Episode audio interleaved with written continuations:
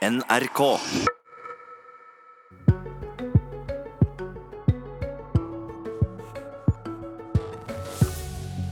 Hvar vart av Venstre? Blei de slukt av regjeringa, eller er det nå velgerne skal få se alt de får til ved kongens bord?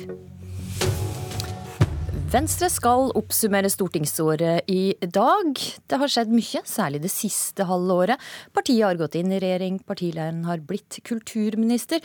Likevel så er det flere som spør hvar av Venstre? Partileder Trine Skei Grande, god morgen og vel møtt til Politisk kvarter. God morgen.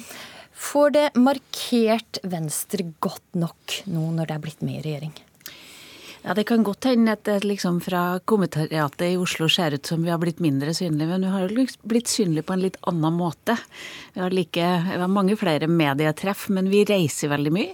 Og vi syns kanskje ikke så mye på sånne veldig kranglete saker med inn og ut av dører og, og smelling og kjefting. Og vi så jo det at når velgerne eh, så det, så likte de ikke det de så. Men nå har vi gått fram på de sju siste målingene, og jeg tror at folk begynner å se at vi, vi klarer å gjøre både Norge og regjeringa både grønnere, rausere og mer sosialliberal, sånn som vi sa når vi gikk inn i regjeringa. Så velgerne liker det de ser, men det blir kanskje ikke så mye action i media. Gått fram på de sju siste målingene, men i mai så lå det på et snitt på fire eh, blank.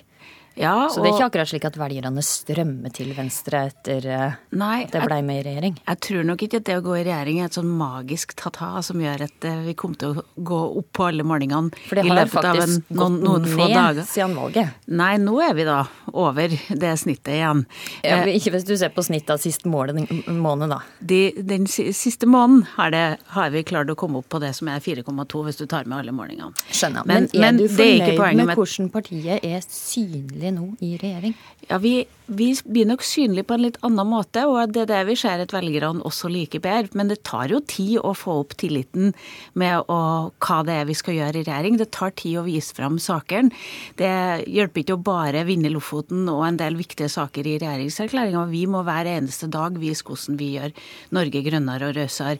Og, og gjør det da, det på en god nok måte, når det da ikke er så synlig i hovedstadspressa som du, og kommentariatet, som du kaller det? Ja, men, men det som er utfordringen, er at det er mange lokale saker som vi har jobbet med. I dag så går vi ut med at vi får, får verna Lofotodden som nasjonalpark. Det er en kjempeviktig miljøsak som vi jobba med i veldig lang tid. Hvis du var til stede på Venstres landsmøte og så hele bakgrunnsbildet på hele scenen vår, så var det Lofotodden. Eh, det å, å sørge for at vi nå får verna viktige havområder, det å sørge for at vi også får eh, gjort en skikkelig løft på plast i havet, alt dette er saker som ikke ville ha vært der hvis ikke Venstre hadde vært i regjering. Eh, for noen år siden så var plast i havet et ikke-tema, og man gjorde gjøn av politikere som diskuterte avgifter på plast. Nå ser vi at det er en skikkelig vekkelse. Erna inviteres til G7 for å snakke om plast i havet, og Norge er liksom i førersetet i de kampene. Det hadde ikke skjedd hvis ikke Venstre faktisk hadde gått i regjering. Og i okay, går lanserte vi den... den store inkluderingsdugnaden, som handler om et rausere Norge som inkluderer folk inn i arbeidslivet. En svær dugnad hele regjeringa eh, er med på. Det var det første enigheten vi fikk til på Jeløya når Venstre satte seg ned ved bordet. Så til en siger eh, som det skraut å få gjennomslag for i regjeringsplattformen. For der, eh, Som også handla om miljø. For der står det at ved utvinningsløyver i den 24. konsesjonsrunden skulle det legge vekt på miljøfaglige råd i eller nær særlig verdifulle områder. Men i går på Politisk kvarter sa lederen for energi- og miljøkomiteen for Venstre, Kjetil Kjenseth, dette. Hva var de miljøfaglige rådene? De, de øvrige, det er jo å, å, ikke gå nærme Bjørnøya. Men hva gjør dere? Vi går, To blokker er utlyst for nært Bjørnøya. Og Det må vi innrømme. Det er krevende å være lite parti, og du får ikke gjennomslag for alt. Hvorfor Trine Skei Grande, hvorfor gikk det imot miljøfaglige råd når det står i regjeringserklæringa at det skal legge vekt på det? Ja, det ble lagt vekt på f.eks. i Jan Mayen, der, der boretidsbestemmelser og begrensninger har blitt annerledes fordi at vi har fått gjennom at vi skal vektlegge de miljøfaglige rådene. Men det vi må huske på er at oljepolitikken har et massivt flertall i Stortinget. Eh, nå gikk vi inn i regjering. Da fikk vi verna Lofoten og Vesterålen og Senja, Mørebanken, Skagerrak, kystnære områder, Finnmark, iskanten. Alle de tingene fikk vi til. Det hadde vi ikke fått til hvis vi ikke hadde gått i regjering eller hatt en avtale med regjeringa. Hvis du prøver så, å holde litt til 24. konsesjonsrunde ja, nå, for der står det i regjeringserklæringa at det skulle legge vekt på de miljøfaglige råda. Ved Bjørnøya så er miljøfaglige råd helt klare. Ikke åpne disse områdene. Og så blir de åpna.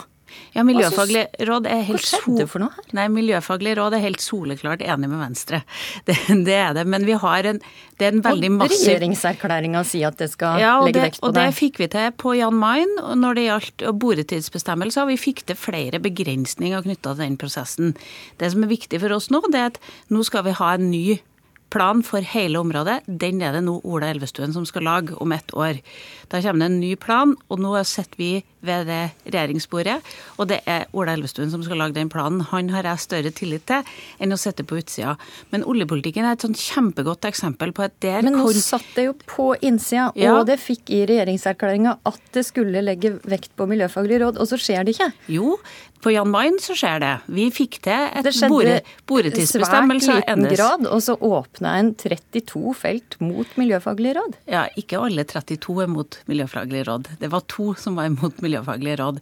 Nei, vi, halvparten av deg er imot miljøfaglige råd. Det er miljøvernorganisasjonene ja, iallfall. Ja, miljø, Kanskje ikke Venstre lenger. Det er ikke helt Miljøorganisasjonene er ikke helt det samme som de faglige rådene. Eh, så, men Venstre var imot 24. konsesjonsrunde. Vi skulle gjerne ønske at den ikke kom. Men det er klart at vi har sørga for et Lofoten Lofoten og Vesterålen, eh, at vi får noen begrensninger rundt Jan Mayen. Alle de viktige områdene som er viktige å verne i Norge, klarte vi å få til. De hadde ikke vært verna hvis ikke Venstre hadde sittet i regjering.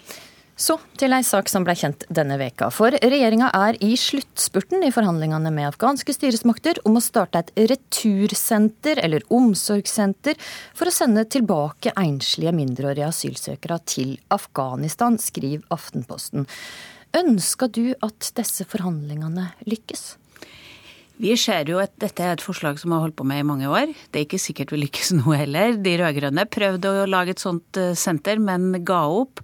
Og så krevde man at dette også skulle inn i den store, brede enigheten.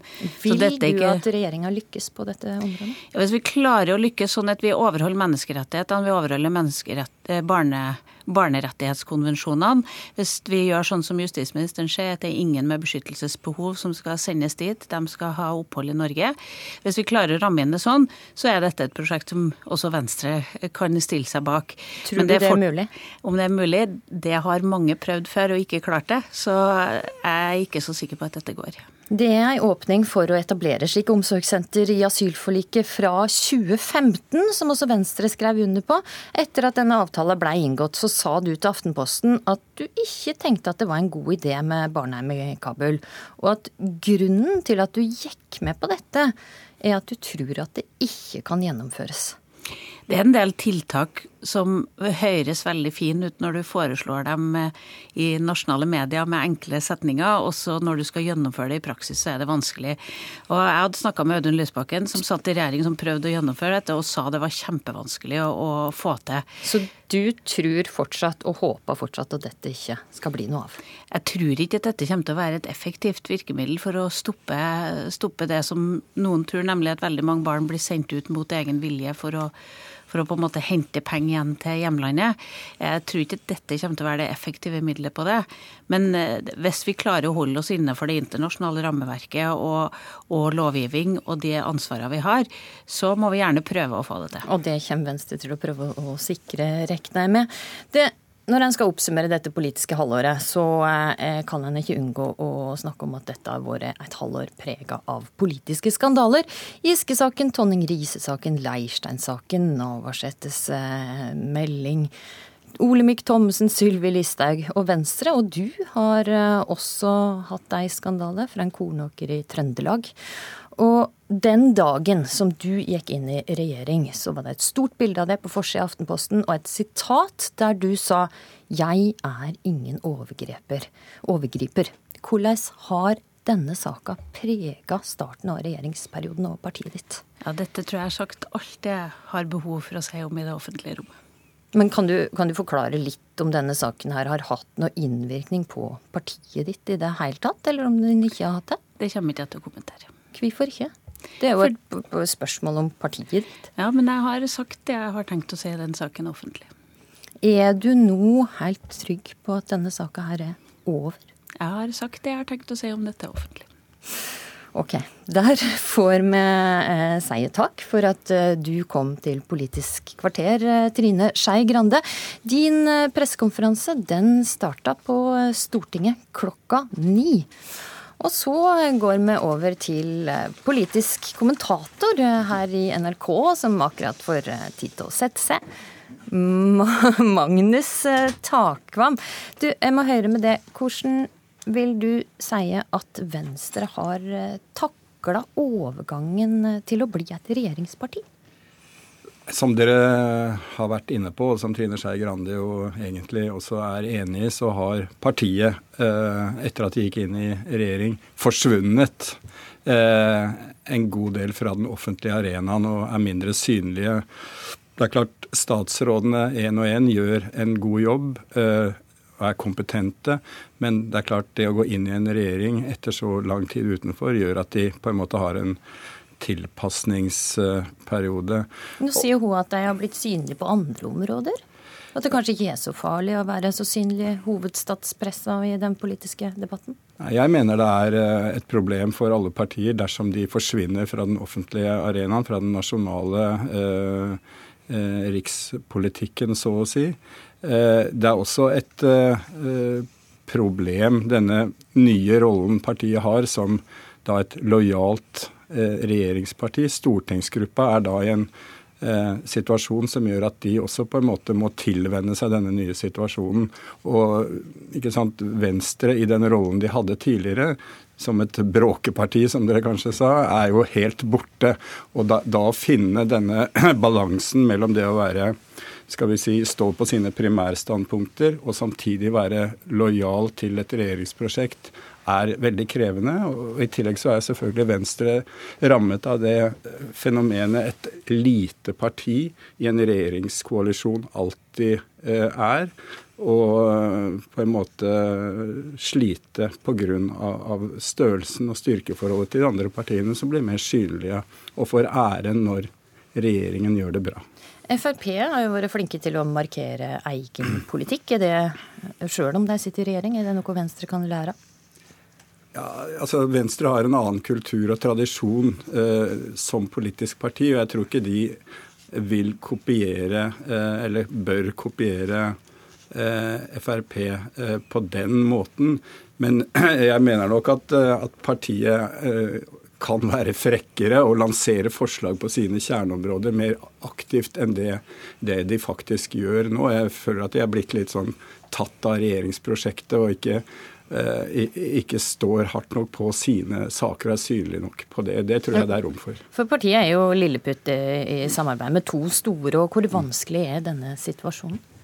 Nei, altså det, ikke sant, Årsaken til at Venstre eh, nølte med å gå inn i regjering lenge, var jo forholdet til Fremskrittspartiet.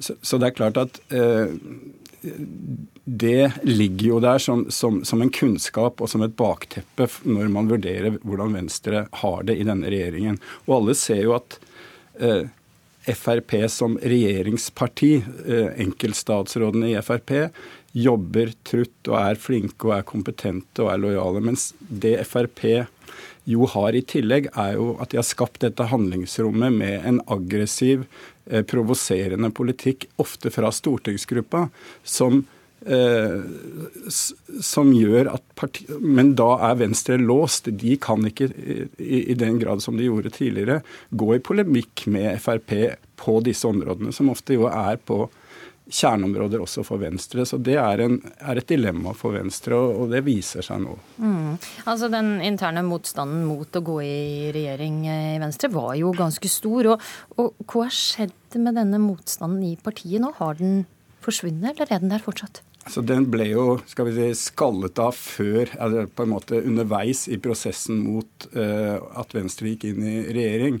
Så jeg tror ikke det er store Nå, nå samler de seg om det prosjektet de er blitt enige om, og prøver å, å liksom, uh, gjøre det så godt som mulig. Og der får vi en fasit i lokalvalget neste år og stortingsvalget. Det er jo da, om velgerne slutter opp om dette, som er, er eh, prøvestein for Venstre Faller de ut av Stortinget, så er jo eh, oppsummeringen at det var et feil valg de gjorde. Mm. Takk, Magnus Takvam. Politisk kvarter var ved Astrid Randen.